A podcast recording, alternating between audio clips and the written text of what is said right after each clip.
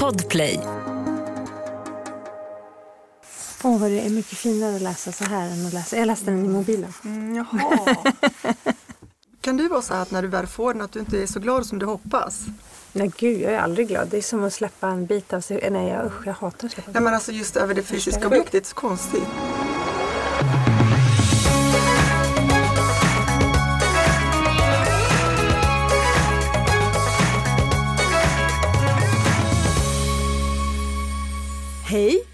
Samtal om böcker vädrar vår luft. Jag heter Lisa Tallroth och mina gäster här idag skickar nu i dagarna ut varsin ny roman i världen. Sara Parborn och Sofia Lundberg, välkomna.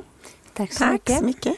Vi ska ha fler boktips i slutet av avsnittet men först så roligt att se er båda här vid bordet. Hur är läget idag? I snöstorm har ni tagit er hit? Precis, blundade hela vägen. Jag gillar snöstorm. För full transparens eh, så kan vi säga att nu är det här ett par veckor innan avsnittet eh, släpps. Så det är ju precis de här liksom känsliga dagarna när du Sofia just har fått ut din bok i eh, offentligheten, i bokhandeln för bara någon dag sedan. Och Sara, din roman Svartstick har fortfarande några dagar innan den är ute, även om jag, vi har den här framför oss på bordet. Så, så att vara författare är liksom i precis den fasen av eh, arbetet. Vad tycker ni om det? Är det skönt att vara på andra sidan, Sofia? Att ha släppt ut den nu i världen? Nej, jag tycker mest om att jobba med att skriva böckerna. Sen när, när jag släpper dem, det är alltid smärtsamt att släppa taget tycker jag. Eh, och börja jobba med en, en ny berättelse. Men det har jag gjort. Så att jag, jag håller på med den. Men eh, jag tycker nog att det kan vara lite smärtsamt att släppa en bok så. För att man har levt så länge tillsammans med karaktärerna och berättelsen. Och, och det är det arbetet som jag tycker är roligt. Vad säger du Sara? Jag är rätt nervös måste jag ju säga. För vad världen ska tycka? Ja, dels det och hela grejen och gud, jag kanske inte borde skrivit så, kanske borde ändrat där. Det första jag gjorde när jag fick min färdiga roman var ju att börja ändra i texten och så där har det alltid varit med när jag har skrivit någonting. Så när jag väl får det så känner jag att jag fortsätter Ja. Och, och, och fila och sådär. Och sen så är det nervöst hur, hur det ska gå med kritiken och så, och hur det ska gå med försäljningen och hur ja, allt som kommer med. Det är ett ga- ganska nervöst läge innan den har kommit ut tycker jag. Och ni vet ju båda vad ni pratar om, för ni har gjort eh, detta förut. Det sista konstverket som din nya roman heter Sofia, det är den sjätte romanen, räknar jag rätt? Sjätte romanen och tionde boken. Ja. Många lärde ju känna dig genom den röda adressboken. Som, det är några år sedan nu, 2015 va, som den kom. ja Du fick ett stort genombrott med den och eh, internationell succé. Dina böcker översätts ju till en otrolig massa språk. 37 stycken läste jag någonstans. Det är knappt jag kan, kan komma på så många språk. Nej, det finns ju några till, men det, det är fantastiskt. Det är fantastiskt att ha läsare runt om i världen. Vilket är det liksom mest udda språket som dina romaner översätts till? Oj, jag vet inte, men jag är väldigt eh, glad och tacksam över att ha den både på koreanska, och kinesiska och arabiska. Det är också en rikedom att få. Jag har alltid tyckt om att resa och varit ganska äventyrlig av mig och eh, nu får jag möta människor från olika delar av världen. Eh, och också att få upptäcka hur lika vi är. Det säger jag ofta, men, men det är verkligen någonting som jag tycker är fint. Att det är mer som förenar? Ja, det är väldigt mycket som förenar och reaktionerna på boken och tankarna som den väcker är ju samma överallt. Sara, du eh, har ju också gjort det här förut. Sist Ja. vi sågs pratade vi om din roman Tistelhonung. Mm. Du är också uppe i en, eh, nästan lika många böcker. Är det sjunde ja, Svartstick? det är romanen? nog sjunde romanen och ni, nionde boken eller något sånt där, för jag har skrivit diktsamlingar också. Och svartstick, om man slår upp det ordet som jag inte kände till innan. Man får ju en ledtråd av omslaget där man ser en trådrulle. Så just det förklaras på Wikipedia som folklig prydnadssöm i Dalarna. Det är en slags broderi som Ja, det är alltid, en broderimetod. ja, men det ska alltid vara den här svarta silkestråden som man Precis. jobbar med. Och, eh, och det dyker ju såklart upp i boken som, det är, inte, det är ingen handbok i broderi du har skrivit, det är Nej. en roman. Men det här är ett, eh, ett tema som du använder dig av, konsthantverket och eh, Alltså den har ju kan- en liten metaforisk betydelse den här tråden. eh, för boken och den förenar också de här tre kvinnoödena. Men jag blev så väldigt fascinerad för jag var faktiskt själv på en kurs i broderi i Dalarna för ett par år sedan och då fick jag höra att just svartsticksbroderier är det väldigt mystiskt med, för de har man hittat i gravar på en liten, liten ort i Dalarna och ingen annanstans i Sverige och ingen annanstans i Europa precis det mönstret. Men däremot har man hittat just det mönstret i gamla egyptiska gravar. Och ingen vet hur det har tagit sig just till Dalarna. Men det gör att det har utvecklats en kultur där av eh, svartsticksbroderi. Sen innehåller den kanske inte så mycket broderi, det är ju en slags relationsroman kan man säga, men den här tråden och eh, det är också en av huvudpersonerna som går en kurs mm. på en folkhögskola som precis har öppnat upp efter att ha eh, varit stängd i 44 år. Och där hittar de ett stort lager, ett, ett igenspikat förråd med svart silkestråd som de använder på den här kursen. Och den har en historia. Och Eh, vi ska återkomma till den. Nu har jag ju läst era böcker så här rygg mot rygg. Det är ju alltid lite speciellt när man gör det för då mm, blir det ju som att vissa teman förstärks. Jag tänker ju att ni båda har skrivit om kvinnor med hemligheter.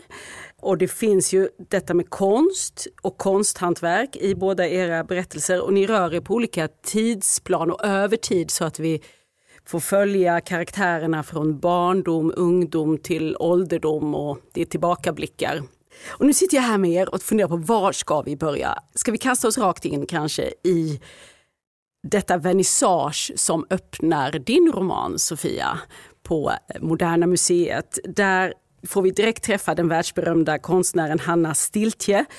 Det här är alldeles i inledningen hon skapar förvirring hos press och åskådare med att presentera ett verk som eh, Ja, man finner det väl mer konstigt än konstnärligt. Det är någon märklig möbel, byrå hopsatt av till synes udda saker och det är helt annorlunda än vad hon har gjort tidigare.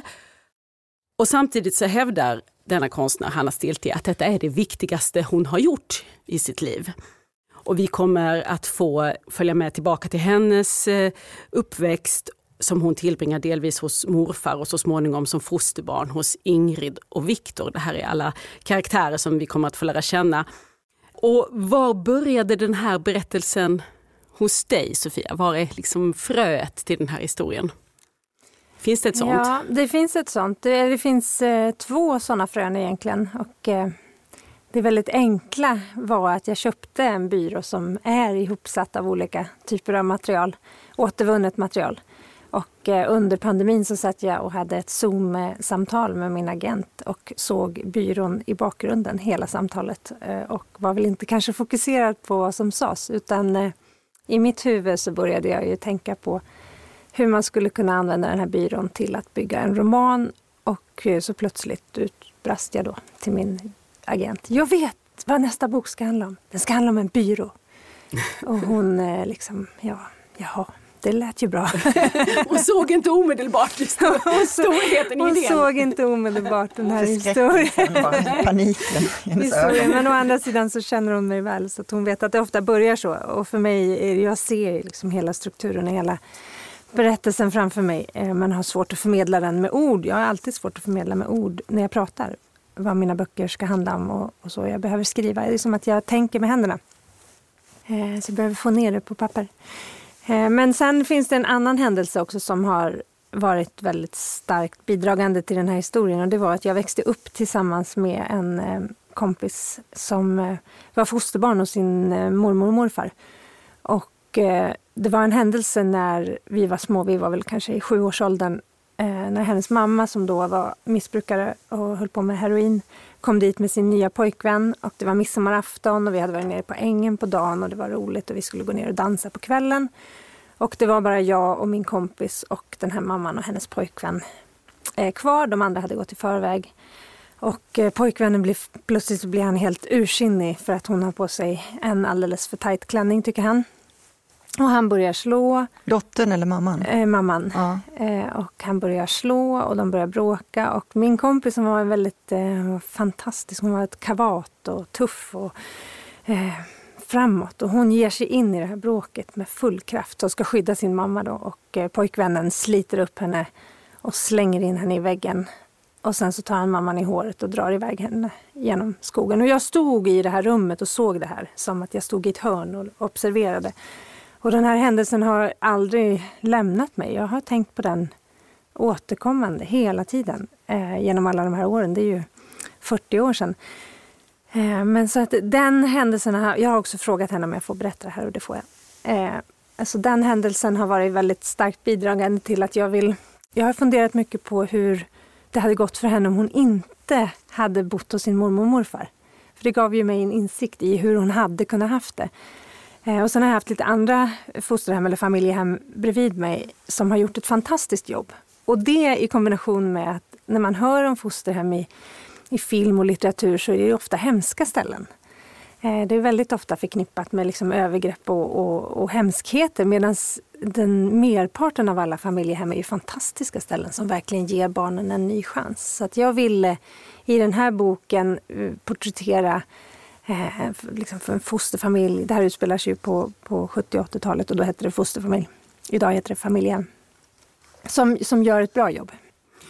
Ingrid och Viktor då som blir en hamn för, inte bara för Hanna utan för fler barn eh, som de tar hand om. Och sen är inte allt frid och fröjd för det, för det är ju hela tiden bakgrunden och verkligheten som på olika sätt tränger in i, i den här lilla fristaden som Ingrid och Viktor försöker skapa för barnen. Där Hanna är ett eh, och henne får vi också sen följa som vuxen. Um, innan vi liksom fördjupar oss mer i det vill jag också berätta att Svartstick vad den handlar om, din roman Sara, mm. den börjar ju hos Paula som åker till den där kursgården mm. i Dalarna som du var inne på. Och eh, hon älskar ju kursgrejen. Det här med broderi är inte mm. så viktigt Nej, egentligen. Hur råkade det bli det? Hon har ju satt i system kan man säga att åka på kurs för att få ett alibi att komma ifrån allt. Ja. Vad är det hon vill komma ifrån? Ja, hon har ju eh, ett barn nästan på heltid som börjar i och för sig bli stor nu då. Men eh, förväntningar och krav och eh, hon har levt länge ensam med barnet men har nu en pojkvän. Och eh, hon, eh, hon känner sig ansatt av samtiden och verkligheten. Hon är lärare och eh, har upptäckt när hon har åkt iväg på kurs med en väninna att det är otroligt skönt att någon annan bestämmer. Någon annan ger upp schemat, vad man ska äta, vilka tider, man behöver inte göra någonting. Man behöver bara gå på den här kursen. Och det är en ganska behaglig syssla att sitta på en kurs. Man behöver inte ens lyssna, det blir lite fika och sen så blir det lite powerpoint och så Mm. Men du beskrev det, det lät väldigt, jag tänkte också, varför har jag inte tänkt på det? Det här låter ju otroligt avslappnande. du förstår att jag har wallraffat detta väldigt mycket. Då. jag har åkt på en del kurser och eh, det, det finns ju en njutbar aspekt i det här. Och då har jag tänkt att jag undrar hur många av de här människorna som verkligen, verkligen tycker att det är jätteviktigt vilket ämne vi går på nu.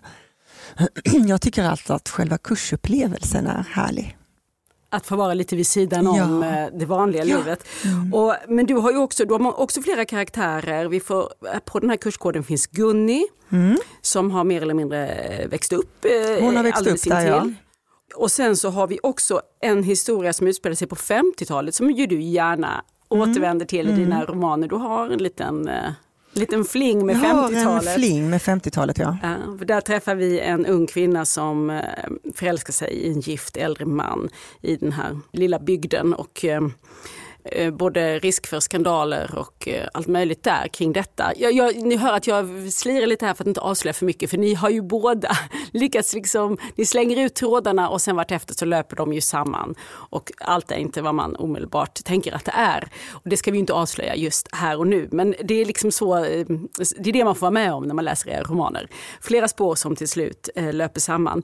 Men eh, vad, är, vad, är, och vad är startpunkten för din roman skulle du säga utöver att du hade den här kursupplevelsen. Jag tänker det är något mer som du har gått och fnulat mm. på.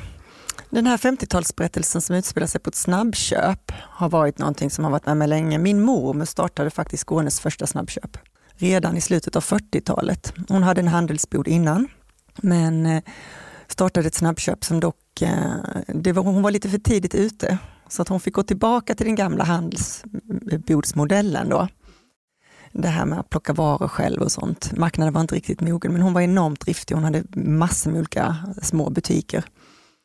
Och sen så eh, kom hon igång igen på eh, 50-talet med, med det här snabbköpet. Och det är en miljö som jag har hört mycket om genom min mamma och eh, min mammas eh, faster. Eh, och det är en väldigt härlig miljö. Jag har haft lätt att leva mig in i den på något sätt. Jag vet inte varför jag har den där vurmen för 40-talet, men jag är delvis uppvuxen med min gamla faster mm. som var oerhört gammal. Hon blev 105 år och eh, hon pratade mycket om eh, sitt liv, vilket hade ju då utspelat sig på 30, 40, 50, 60-talet. Så det var som att jag lite grann fick leva i den världen också. Så det var också en startpunkt att jag ville ha med det här snabbköpet. Och sen så fascinerades jag av eh, det här med en tråd som kan ge, det går alltid någon slags tråd genom en människas liv. Och eh, jag har också alltid hållit på med handarbete själv. Så att jag kände att nutidsberättelsen och att den skulle vara på en kursgård eh, tyckte jag var perfekt.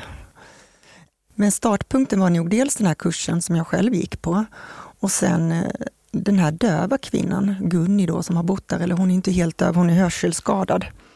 Jag fattar inte riktigt varför det var så viktigt för mig att hon skulle vara hörselskadad, men eh, jag tror nu att det handlar om svårighet att kommunicera. Hon har ju svårt också att kommunicera med sin mamma. Hon är väldigt modersbunden fastän hon är 60 år själv. Retar sig på sin mamma och ska ändå alltid hålla på med sin mamma och ringa mamma. Och det är någonting i den där modersrelationen också som jag tycker är spännande. Så att det var ett helt broderi av eh, ingredienser mm. som eh, satte igång den här processen. Ett poddtips från Podplay. I podden Något Kaiko garanterar östgötarna Brutti och jag, Davva, dig en stor dos skratt. Där följer jag pladask för köttätandet igen. Man är lite som en jävla vampyr. Man har fått lite blodsmak och då måste man ha mer. Udda spaningar, fängslande anekdoter och en och annan arg rant. Jag måste ha mitt kaffe på morgonen för annars är jag ingen trevlig människa. Då är du ingen trevlig människa, punkt. Något kajko, hör du på podplay. Därför är gardinerna. För det sägs någonstans här i boken att eh, det är någon kursledare tror jag som förklarar att människor har ju i alla tider använt handarbete som en metod att skingra kaos nu läser jag några rader här, ...skingrar både sitt eget kaos och det som omger dem i världen. Att brodera då blir en meditation och kan vara ett effektivt sätt att koppla bort efterhängsna destruktiva tankar. Så det understryker ju verkligen vad mm, Paula precis. behöver. Mm. Eh, men och sen så sa du Sofia att du har också ägnat en del åt handarbete och kanske just ja. broderi just. Broderi just, men ja. också, jag har också växt upp med en gammal don. Mm, så att det var jätteintressant att höra. Där har vi någonting gemensamt. För att jag har ju också en fascination av gamla tider och, eh, mm. och det tror jag Doris hette, mm. min det var min farmors syster, men hon tog hand om mig jättemycket när jag var liten. Men, eh, och lärde mig broderi och handarbete. Men, men även min mamma, och mina, mina, min mamma och mina systrar har en enorm talang för handarbete. Eh, så att jag växte upp i en kreativ familj, men det var inga som skrev, utan men det var handarbetet som var. Eh, pappa i trä och mamma och systrarna i textil. Så mm. jag har broderat eh, folkdräkt och under pandemin nu senast mm. broderade jag en ganska stor kudde jag tycker det är just det här avkopplingen och eh, meditationen och också att det är någon slags trygghet när det är läskigt. Mm. Då tar jag till broderiet. Men intressant, jag har ju också växt upp i en familj där alla har hållit på med konst i någon form. Jag tycker man kan känna det också i din mm. Eh, roman. Eh, och också den här kärleken för en äldre mm, kvinnogestalt. Som den här fostermamman är ju verkligen en sån där som man själv skulle vilja krypa in i famnen hos tycker jag. Ingrid, ja. Mm. mm. Ja, i det sista konstverket är det ju måleri som fyller lite motsvarande funktion som broderiet gör i, i Saras bok. Tänker jag. Vad tänker du? För det, du håller på och um, diskuterar i boken och med läsaren jag, hur konsten kan användas och betraktas. Och det är ju lite det som är Hannas provocerande start där i början när hon eh, ställer ut ett verk som rent tekniskt kanske inte är särskilt avancerat. Och då har ju hon tidigare gjort fantastiska målningar som varit skickliga. Men nu, och nu ställer hon ut någonting som inte är så tekniskt avancerat men ändå innehåller mycket mer ja, för, för henne. henne. Så vad är, då blir lite frågan vad, vad är konst helt enkelt? Är det det här avancerade, eh, tekniskt skickliga eller är det det som är mättat med betydelse? Ja precis, och vad är det som vi ger eh, status i samhället? Vilken typ av talanger eh, värdesätter vi högst? Och det tycker jag är en intressant eh, frågeställning som vi alla bör tänka på. Det finns ju människor som utför mirakel varje dag som aldrig någonsin får uppmärksamhet och ibland så kanske det går lite överstyr att vi tillskriver olika konstarter lite för stor betydelse, tycker jag. Eh, och det är väl också det som är Hannas eh, syfte egentligen med att göra den här, det här sista konstverket som hon gör. Eh, för att hon inser ju att hennes karriär och talang och det som har hänt henne i hennes liv har ju skett på bekostnad av andra. Jag tycker liksom inte att konst är någonting som bara är skickligt utfört. Utan det, det måste till en massa andra fler dimensioner. Så det är en intressant diskussion tycker jag, vad konst är. För kanske är det så också att vi eh, belönar fel sorts konst. Eller man, man, man kanske tror att konst är bara att man är jäkligt skicklig på någonting till exempel och att vi har ett sånt samhälle där eh, man ska vara en riktig sångfågel och man ska vara artist och då ska man ha en röst och så, fast det kanske handlar om helt andra saker, eller så tänker jag.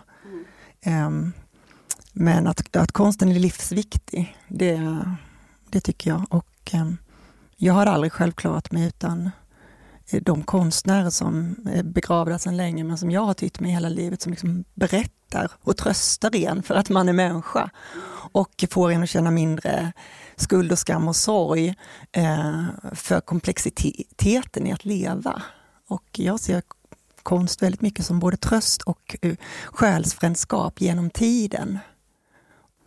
Eh, och jag älskar färgerna och det sensuella i att hålla i material, att hålla i en karmosinröd ulltråd, allt det sensuella. Det tycker jag att vi förbiser ofta idag. Det ska vara så praktiskt och funktionellt och husen ska man bara bo i, men de kan vara hur jävla fula som helst. Eh, men att faktiskt återerövra det som är vackert och det som är sensuellt. Och det kan räcka med en tråd för att påverka hur man mår. För mig kan det vara så. Eh, jag är till exempel väldigt lättpåverkad av färger. Eh, färger påverkar oss, material påverkar oss. Vi påverkas av de sensuella impulserna i vardagen.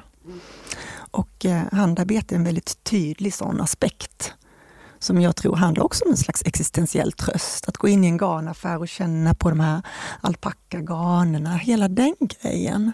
Det är inte att förakta, det är någonting viktigt den här byrån som Hanna visar upp, den, är ju väldigt, den har ju väldigt mycket av det där taktila tänker jag. Det är, mycket, det är lite gammal bråte skulle man kunna tro att den är ihopsatt av, men det, det, varje bit har ju en bakgrundshistoria och det är det som är romanen. Jag bara tänkte på um, det där att man behöver hjälp att dechiffrera ett konstverk, det behöver ju publiken i din eh, roman och vi som läsare får ju det i mm. hela berättelsen. Men är det det som är liksom den här begriplighetsnivån, är det det som det är så bedö konst bedöms? Nej, men det är väl det konstnärliga dilemmat och det som skapar bitterheten hos konstnärerna. Mm. Ingen förstår mig. Nej. Så är det ju när man skriver böcker också. Att eh, den, den invävda tematiken som man har kanske inte alltid går fram så som man vill. Men eh, där har man ju, jag tror att när ett konstverk är släppt eller när en bok är släppt så har man ju ingen möjlighet att påverka hur den tas emot. Eh, och det är ju, Hanna i boken är ju, hon är ju väldigt nöjd med sitt sista konstverk och tycker att det är det viktigaste. Och det är det viktigaste för henne, att hon vet varför hon har gjort det. Och, eh, I boken så får ju läsarna också reda på varför hon har valt att göra som hon har gjort. Och frångå hela sin... Det är ju, inga, menar, det är ju egentligen inget kontroversiellt att man ställer ut en, en byrå som ser ut som bråte. Det finns ju många konstnärer som bygger saker som inte är tekniskt eh, perfekt men hon har ju varit väldigt, eh, hon har ju jobbat med stora oljemålningar och bronsstatyer innan och, och haft en väldigt, eh, en liksom exceptionellt hög teknisk eh, kvalitet. Så det är verkligen ett avsteg från det hon brukar göra. Mm. Men det här konstnärskapet finns bara i ditt eh, huvud eller har du sett det tänkte jag någonstans? Nej, det finns bara i mitt huvud. Ja. Och jag önskar att jag hade mer talang så att jag skulle kunna måla upp den här. Ett tag så tänkte jag kanske ska försöka mig på att måla en serie tavlor men tyvärr så jag har inte den talangen. Är det lite så här renässansaktigt eller är det impressionistiskt? Jag funderade också, men jag såg framför mig någonting ganska renässansaktigt. Ja, alltså. men lite Gammalt så. Mm, måleri. Mm, lite så. Men jag lämnar det åt eh, alla läsare att eh, få sin egen bild av tavlorna. För det är ju viktigt att man får se det framför sig utifrån sin egen bakgrund och vad man själv tycker om. Jag läste eh, i en annan intervju med dig Sofia att eh, du beskrev det som att i dina första versioner när du skriver så får skitstövlarna ta mm. väldigt mycket plats och vartefter du jobbar med manuset så stryker du och fokuserar mer och mer på de empatiska människorna i din berättelse och hur de hanterar livet och mm. situationerna. Hur, hur kommer det sig? Nej men det här är väldigt... Eh, egentligen så kom det sig av att jag första gången jag skrev en bok upptäckte att jag kunde göra det. Och det var så befriande därför att i verkliga livet så det, är ju, det börjar ju redan i, i liksom skolan att de bråkiga pojkarna eller flickorna, de som hörs mest och, och, och liksom tar mest plats, får mest uppmärksamhet. Eh, och även i, jag menar, i, i kulturen, i media, det som vi uppmärksammar. Det, det är väldigt mycket det är väldigt mycket våld och det är väldigt mycket beteenden som jag inte... Det, det är inte så... Det blir, en ske, det blir skevt för det är inte så vanligt. De flesta människor är snälla. De flesta människor kämpar med konsekvenserna av vad de som kanske inte är helt snälla gör. Så att för mig är det jätteviktigt att ge dem plats. Det handlar om det. Att, eh, jag tycker att det är viktigt att ge de här människorna eh, plats och ta deras eh, liv på allvar. Word säger jag bara. Så det, är, det är väldigt, väldigt medvetet. Eh, och alla mina böcker är ju alla böcker jag har skrivit så är det ju människor som lever med oerhörda konsekvenser. Så jag har ju ganska, det är ganska allvarliga, det är allt från barnmisshandel till våldtäkter till eh, misshandel i äktenskap till eh, som här eh, föräldrar som överger barn. Eh, och det är ju lätt att skriva om de här övergreppen. Jag tycker att det är lätt det är lätt att gå in i liksom övergreppen och, och, och, beskriva dem. Men jag tycker inte att det är intressant. Jag tycker inte det ska ha mer uppmärksamhet. Jag tycker, inte, jag tycker att det är intressant med de som varje dag vaknar med känslan av att idag ska jag göra någonting bra för någon annan. För det är det som för mänskligheten framåt. Om, om vi inte lyfter varandra och inte hjälper varandra, då, då, då kommer allt gå till skogen. Men jag tyckte det var intressant att du ändå sa som att du måste liksom börja i skiten. Är det för att det ändå kommer först eller varför kan, varför kan man inte hoppa direkt till? Nej, för att jag måste uppleva det som eh, mina karaktärer har varit med om. Alltså jag måste uppleva hur det känns att bli övergiven av en förälder eller hur det känns att bli slagen eller hur det känns att bli våldtagen. Jag måste gå in i och förstå vad det är som har hänt för att sen kunna känna karaktären och hur karaktären hanterar det. Men det behöver inte vara med i boken. Hur ser din process ut eh, där när det gäller att hitta fram till karaktärerna? Och... Jag tror alltså jag är världens sämsta författare för att jag har i alla år försökt att eh, börja med eh, jag tänkte att nu måste jag ha en historia och sånt där. Men det börjar inte så för mig utan det börjar ofta i någon detalj. Här började det med den här svarta tråden och glansen och att eh, alltså korta fragment och sen började det med Gunni, den första karaktären och vem hon var. Och sen allt eftersom så eh, växer sig historien fram. Och jag har vissa saker som jag... Det kan vara en formulering jag tycker om, som jag inte vet varför jag tycker om, som innehåller någonting. En hint till mig själv. Och varje gång jag är klar med detta Sisyfos jobb som det ju är att skriva en roman så tänker jag aldrig, aldrig mer. Nästa gång ska jag ha ett storyboard, jag ska ha post-it-lappar, det ska skaffas markeringspennor. Jag vet inte om du känner igen det här, nej, alla har ju olika process. Men... Jag, jag tror jag har kommit till ro med att de 300-400 sidorna som läsaren får, det är en bråkdel av allt det som jag har skrivit. Liksom. Ja, så är det Man kastar ju så enormt mycket mer än det som till slut blir boken. Men kan du känna igen den där tendensen att det, det svarta vill ta över? Att, man vill liksom, att det är lätt att, att man går dit i, i sina berättelser, att dra lite mer i svärtan. Alltså, folk är lite alltså, Jag tror att jag har nog gjort det för lite det, mm. Eh, för att jag har haft så mycket svärta i mitt eget liv. Så att jag tror att jag har använt eh, mycket av mitt skrivande hittills egentligen för, till att underhålla mig själv, till att eh, undvika och runda smärtan. Jag tycker som du att det är lätt att ge den för stor uppmärksamhet. man kan faktiskt gå igenom fasansfulla saker och ändå vara en som siktar på ljuset.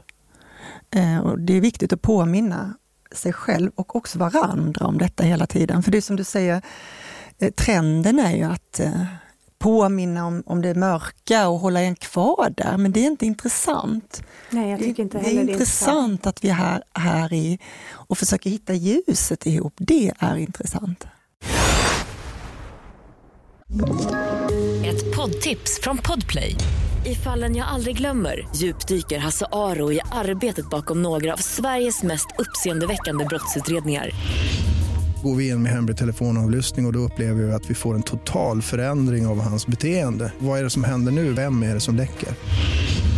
Och så säger han att jag är kriminell, jag har varit kriminell i hela mitt liv men att mörda ett barn, där går min gräns. Nya säsongen av Fallen jag aldrig glömmer på Podplay.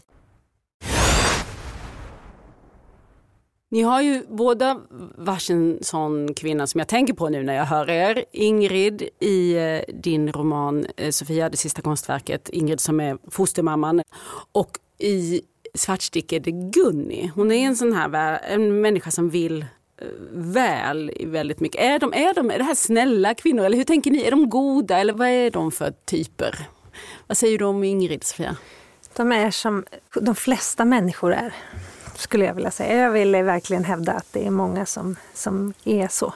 Och hade, då? Ja, men hade inte, när rovdjuren kom, när grottfolken bodde i grottor, om inte de hade plockat upp bebisarna när de flydde, då hade ju mänskligheten dött ut.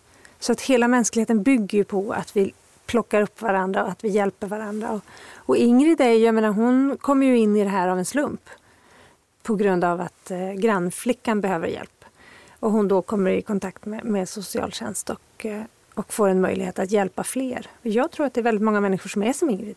Man vill hjälpa. När man får möjlighet att hjälpa så, så vill man göra det. Jag tycker det finns en fin aspekt där också i Sofias eh, eh roman. Att den första scenen med Ingrid så förstår man att hon egentligen vill, hon längtar efter ett eget barn mm. med sin man och hon kan inte få barn eller hon har inte lyckats bli med barn. Och sen eh, så blir hon uppsökt av den här grannflickan som är i nöd. Jag tycker att det är en sån, också en fin påminnelse om att mycket av det vi längtar efter finns omkring oss, om vi ser det. Och eh, vad längtar Gunni efter? Ja... Hon är i 60-årsåldern nu när vi mm. träffar henne. Hon är lite eljest har ju inte levt enligt någon slags norm eller så. Hon har inga barn, hon har ingen man. Hon bor i en liten stuga i skogen. Eh, och hon, men hon längtar ändå efter någon slags kommunikation med sin mamma och eh, sen har hon ju också en gammal kärlek, en lärarinna som hon har haft, som hon fantiserar om. Och ibland är det lättare att fantisera om saker i avstånd. Och det är också ett sätt att leva livet. Eh, man behöver inte göra allting eh, som eh, andra gör eller drömmer om. Hon har ju egentligen ett ganska bra liv. Jag ser på henne som en ganska nöjd person. Hon har vant sig vid att ha sina drömmar på avstånd. Hon har svårt att reglera närhet och avstånd, mm. men hon lever ganska bra med dem inne i sitt eget huvud. Hon känns som en också som betraktar det som händer runt henne väldigt eh, omsorgsfullt. Hon är väldigt eh, medveten om vad som, vad som sker och hur andra är. Ja, precis. Hon, har, hon lägger verkligen märke till människor och ser dem. Och så kan det ju bli med dem som man upplever inte deltar själv. De är enormt skarpa iakttagare. Och sån är Gunni. Jag blir nyfiken när du säger det här att du skriver skitstövlarna först. Hinner du jobba upp en irritation mot dem när du till slut liksom stryker dem? Eller? Nej, det är bara, nej men jag tror att, att, att de tar mycket plats i första utkastet. Mm. Det, det är för att det är, det är så det är. De tar mycket plats. Och att jag sen väljer att stryka ner de scenerna eller ta bort, det beror på att jag det är, det är en fantastisk möjlighet jag har. Otroligt skönt. Att göra det är otroligt skönt. och också i livet att man, jag tänker att man ofta eh, man liksom har ögonen på dem som kanske inte ger en så mycket uppmärksamhet och springer efter saker som man inte egentligen når fram till. Och då missar man allt det här fina som är runt en. Så att, att jag tror att det, det, är en, det är en bra metod egentligen för att vara människa. Att försöka ta det med sig även utanför eh, Jag tror att jag försöker, jag menar mm. jag skriver, jag, jag, skriver mina böcker för att försöka förstå. Jag utforskar saker för att jag själv tycker att det är intressant. Så att det, jag tror att det är, en, eh, det är en process, det är terapi helt enkelt. Det är ju en enorm eh, så här, psykologisk process man är igenom när man skriver en roman, att försöka förstå karaktärer och bevekelsegrunder och varför blir det som det blir och hur skulle någon reagerat här och hur skulle jag reagera? Hur skulle mitt ideal-jag ha reagerat? Och alla de här frågorna mm, sysselsätter sysselsätter ju nog många författare väldigt stor del av tiden. Eh, eh så alltså, det är inte alltid man lyckas ta eh, med sig, även om man kan hoppas det. Då. Det som man tycker att man har kommit på om livet. Men det är alltid svårt att leva det, det själv. Vad vill ni, det här är frågan som alla författare avskyr, men vad vill ni göra härnäst då? Du är redan igång Sofia med någonting. Häromkvällen bestämde jag mig för att aldrig mer skriva en bok. Uh -huh. Och jag blev så upprymd och så glad. Det var nästan som att jag fick så här flow. Jag fick bara, ja, men jag, jag lägger ner. Och så var jag så lycklig när jag gick och la mig. För att jag hade liksom tagit det beslutet. Sen vaknade jag vid sju, gick ut och gick en promenad med hunden och satte mig ner och skrev. Mm. Så, så gick det med det? Eh, så gick det med det. jag tror inte jag skulle kunna leva utan att skriva. Jag älskar att skriva. Och nu har jag jobbat i många år på heltid med det så att eh, jag hoppas att jag ska få möjlighet att fortsätta. Och du vet inte, inte, vad det blir riktigt härnäst? Jo, jag har ja. skrivit en tredjedel på nästa. En man den här gången och hans dotter. Ja, deras svårigheter att förstå varandra. En del teman som du har varit i kontakt med tidigare då? Ja, enkelt. precis. Ja.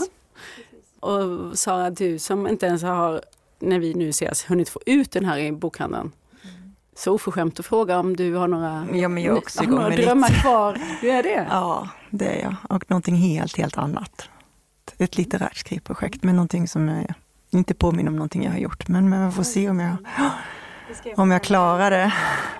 Det låter då inte som att det sista konstverket måste bli det sista konstverket från dig, Sofia Lundberg. Men så heter romanen som är aktuell nu och Sara Parborn aktuell med romanen Svartstick. Stort tack för att ni kom hit idag.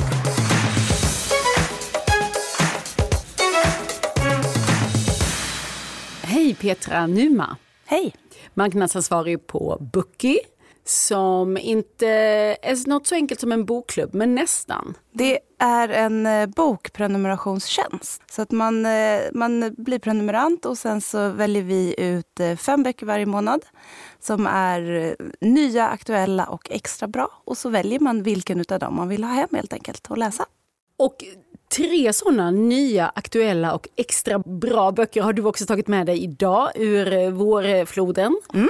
Och det är svenskt och det är norskt. Ja. Marie Aubert. Ja. Visst är hon norska? Man tänker att hon ska vara fransyska, men hon är norska. Ja, jag trodde också en gång i tiden att det var franskt, men ja. det, var, det var norskt. Jag är inte sådan här egentligen, har jag läst. Jag är inte sån här egentligen. Jag hade väldigt roligt med hennes förra bok som hette Vuxna människor, va? Mm. Och vad, är det, vad är det hon gör nu? Nu får vi möta fyra personer. Eh, så att den utspelar sig under en helg. Och så får vi då följa Linnea som konfirmerar sig, hennes pappa, hennes farfar och hennes faster. Som alla har sina, sina bekymmer och funderingar och eh, problem här i livet kan man väl sammanfatta det. Och så, så får vi liksom följa med under den här helgen och hur de hur den utspelar sig, vad de, den här fasten har under hela sin uppväxt varit väldigt, väldigt eh, tjock. Nu kommer hon då hem tillbaka, möter sin eh, familj, gamla vänner och nu har hon ju opererat sig och är eh, smalare. Hon ser då hur folk behandlar henne på ett, ett helt annat sätt och hur, hur det påverkar henne. Linnea är ju en 14-årig tjej så där får man ju följa de problemen och tankarna och livet för en 14-årig tjej. Pappan, tänker jag utan att berätta för mycket här, men pappan funderar ju på att lämna hela sin familj för att han har träffat en annan kvinna. Och eh, farfan tänker väl tillbaka mycket. Han är ju enkling nu och eh, hur, hur, det påverkar honom och hans liv och så. Den, den var jättebra, jag tyckte jättemycket om den här. Det är en ganska, en ganska liten och ganska tunn bok men jag var väldigt så fascinerad över hur mycket som, som ändå rymmer sig på, mellan de här pärmarna. Och man kan väl säga att hon ändå skriver om det svåra med att vara människa och att vara det tillsammans med andra. Ja, och, och lite, man får ju, här är det ju liksom en, en ung eh, tjej, en vuxen kvinna, en vuxen man och en gammal man. Och verkligen så här, det svåra med att vara människa för alla. Alla har vi våra bekymmer.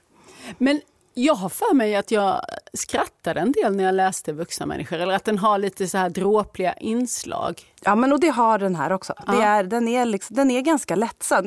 Nu när jag, jag inser så här, när, jag, när jag berättar om den att den låter ju tung. Men det tycker jag inte att den är. Inte alls, utan snarare ganska lättsam men ändå man får sig ändå en, en tankeställare och det finns verkligen ett djup i den. Men hon lyckas beskriva det på ett, på ett lättsamt och kul sätt. Marie Auberts Jag är inte sån här egentligen. Mm.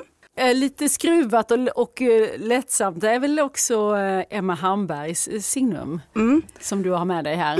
Jag hade hoppats på att du skulle uttala titeln. Au revoir Agneta. Precis. Det är ju fortsättningen på Je m'appelle Agneta som kom för två år sedan är det väl nu. Där vi då får följa Agneta som är en 50-årig kvinna. I, I den första så lämnade hon ju allt och flyttade till Frankrike där hon trodde att hon skulle bli au pair till ett barn men det visade sig vara en 80-årig man. Och så fann hon sig väl själv också kan man säga och blev kvar där. Och nu så tar den här berättelsen tar ju vid några månader efter att den förra slutade. Hur hon då lever i det här klostret i Frankrike med den här 80-åriga mannen och hans vänner och barägaren som ju är yngre. Sen händer någonting och allt eh, ställs på ända. Ehm, och så får vi följa det här, hur hon då ska försöka lösa problemen kan man väl säga. Hur hon kanske fortfarande, man kan säga att hon, hon fann sig själv och var jättenöjd där nere i Frankrike. Men i en del av boken så, så kommer hon ju också tillbaka till Sverige. Eh, och hur då alla runt omkring henne tycker att så bra, nu har du haft din lilla utflykt där nere i Frankrike. Nu blir du vanliga Agneta igen. Och hur hon ju inte vill det såklart. Eh, också väldigt bra, väldigt härligt att få följa med lite till en så här härlig idyllisk by i Frankrike. Ja, nere i södra delarna är det va, Provence. Eh, för jag, precis, jag följer Emma Hamberg på Instagram och jag vet att hon har ju själv drabbats av någon stark Frankrike-passion mm. och eh, det har tagit sig uttryck även i en kokbok som ja, heter någon sorts... Piff kokbok, lifestyle, ja. Eh, fransk bok. Så, Men, så jag mm. förstår att det är mycket, mycket stämning och mycket miljö ja. i de här eh, romanerna. Det är det verkligen. Men och här är det väl också li, lite samma som, som i den andra, Aubert som vi pratade om. Mer så här, funderingar man har själv. Vem är man? Vem ska man vara? Hur ska man leva? Hur påverkas man av folk runt omkring en. Hur låter man sig påverkas av folk runt omkring en och deras eh, föreställningar om en och förväntningar och krav på en. Och också ganska rolig. Den här skrattar man också åt stundtals. Och den tredje boken är en eh, brittisk författare, Gillian mm. McAllister. Också en så här lite efterlängtad eh, uppföljare. uppföljare. Ja. Eller är det det? Nej, det är nog en fristående, mm. men det är väl en, en efterlängtad återkomst kanske man säger då. Fel tid, fel plats den börjar liksom helt och hållet med att eh, mamman sitter hemma och väntar på sin 17-18-åriga son för att han ska komma hem. Det är väl mitt i natten. Och så ser hon ut genom fönstret hur han kommer på gatan och tänker så här, ah, vad skönt, nu kommer han. Och så ser hon hur han då möter en man på gatan, tar upp en kniv och eh, knivhugger den här mannen till döds. Sonen mördar en man? Sonen mördar mannen. Aha. Hon ser igenom fönstret. Och förstår ju ingenting såklart. Och sen kommer det poliser, sonen hamnar i häktet. All, allt det här händer i första kapitlet. Så det är ingen, ingen, eh, jag förstör ingenting här. Sen så går de ju och lägger sig för dagen efter ska de ju komma tillbaka till häktet. När hon vaknar upp dagen efter så är det dagen innan. Aha. Eh, och så uppstår det ju såklart då en massa förvirring. Men sen när hon förstår att det här har hänt så känner hon ju också att hon då behöver... Kan hon hindra ja. det här dådet som hennes son utför? Börjar nysta i det. Sen tar ju den dagen slut. Då går hon och lägger sig och sover och vaknar upp dagen innan dagen innan. Okej. Okay. Eh, så, så den, är, och den här har jag inte, den håller jag på med. Jag har inte läst ut den ännu. Men eh, än så länge, jag har läst den för halva. Eh, och den är också jätte... Om, om, jag, om jag hade hört någon berätta om den här så hade jag nog tänkt så här, oh, vet inte om det där är min typ av bok. För den känns ju lite liksom knasig så, men, men man blir väldigt så här, engagerad i det här äh, och i hennes eh, jakt på att förstå vad som hände. Hur kunde hennes äh, älskade son göra något sånt här? Varför gjorde han det? Och också, kan hon förhindra det? Var är punkten när det börjar gå fel? Precis. Det här är ju en ganska filmisk eh, idé som har gjorts också ja. i film flera gånger. Det här att man liksom backar bandet och får möjlighet att göra om och göra rätt. Så det krävs ju en skicklig författare för att man ska kunna hålla reda på var man befinner sig. Ja, och för att det också ska, ska kännas som jag tycker att det här gör. Att det ändå ska kännas inte för otrovärdigt. att man ändå, det, det, är väl kanske inte så trovärdigt vad jag vet. Jag brukar oftast vakna upp dagen efter när jag går och lägger mig. Men, men hon lyckas ändå få, man, man köper det helt och hållet liksom, och blir engagerad i det. Och så här. Gillian McAllister hon kom till Sverige med romanen Den natten. Mm. Jag tror att eh, vi var flera som hittade henne då men nu är det alltså hennes andra roman. Mm. Fel tid, fel plats. Och de här har ni alla som vi har pratat om nu valt ut alldeles särskilt eh, som eh, erbjudanden ja. i den här prenumerationstjänsten ja. Bookie som finns på nätet. Och eh, där finns ju ännu fler böcker. Det finns ännu, det, det kommer ju fem nya varje månad men det finns ju alltid böckerna bakåt att välja ibland också. Så det finns ju en, ett stort antal att välja. Och hittar man ingen att välja en månad, då så hoppar man över och väljer helt enkelt. Och så får man en bok till godo istället. Så om man mot förmodan inte hittar något eller har en alldeles för hög läshög just den månaden så väntar man till nästa.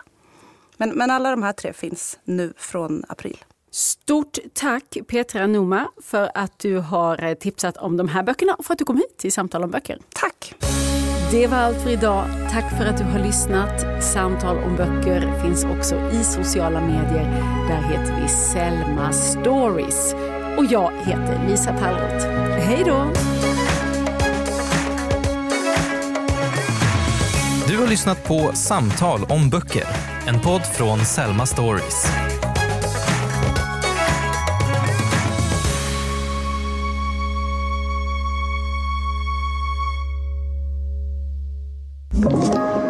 Podplay.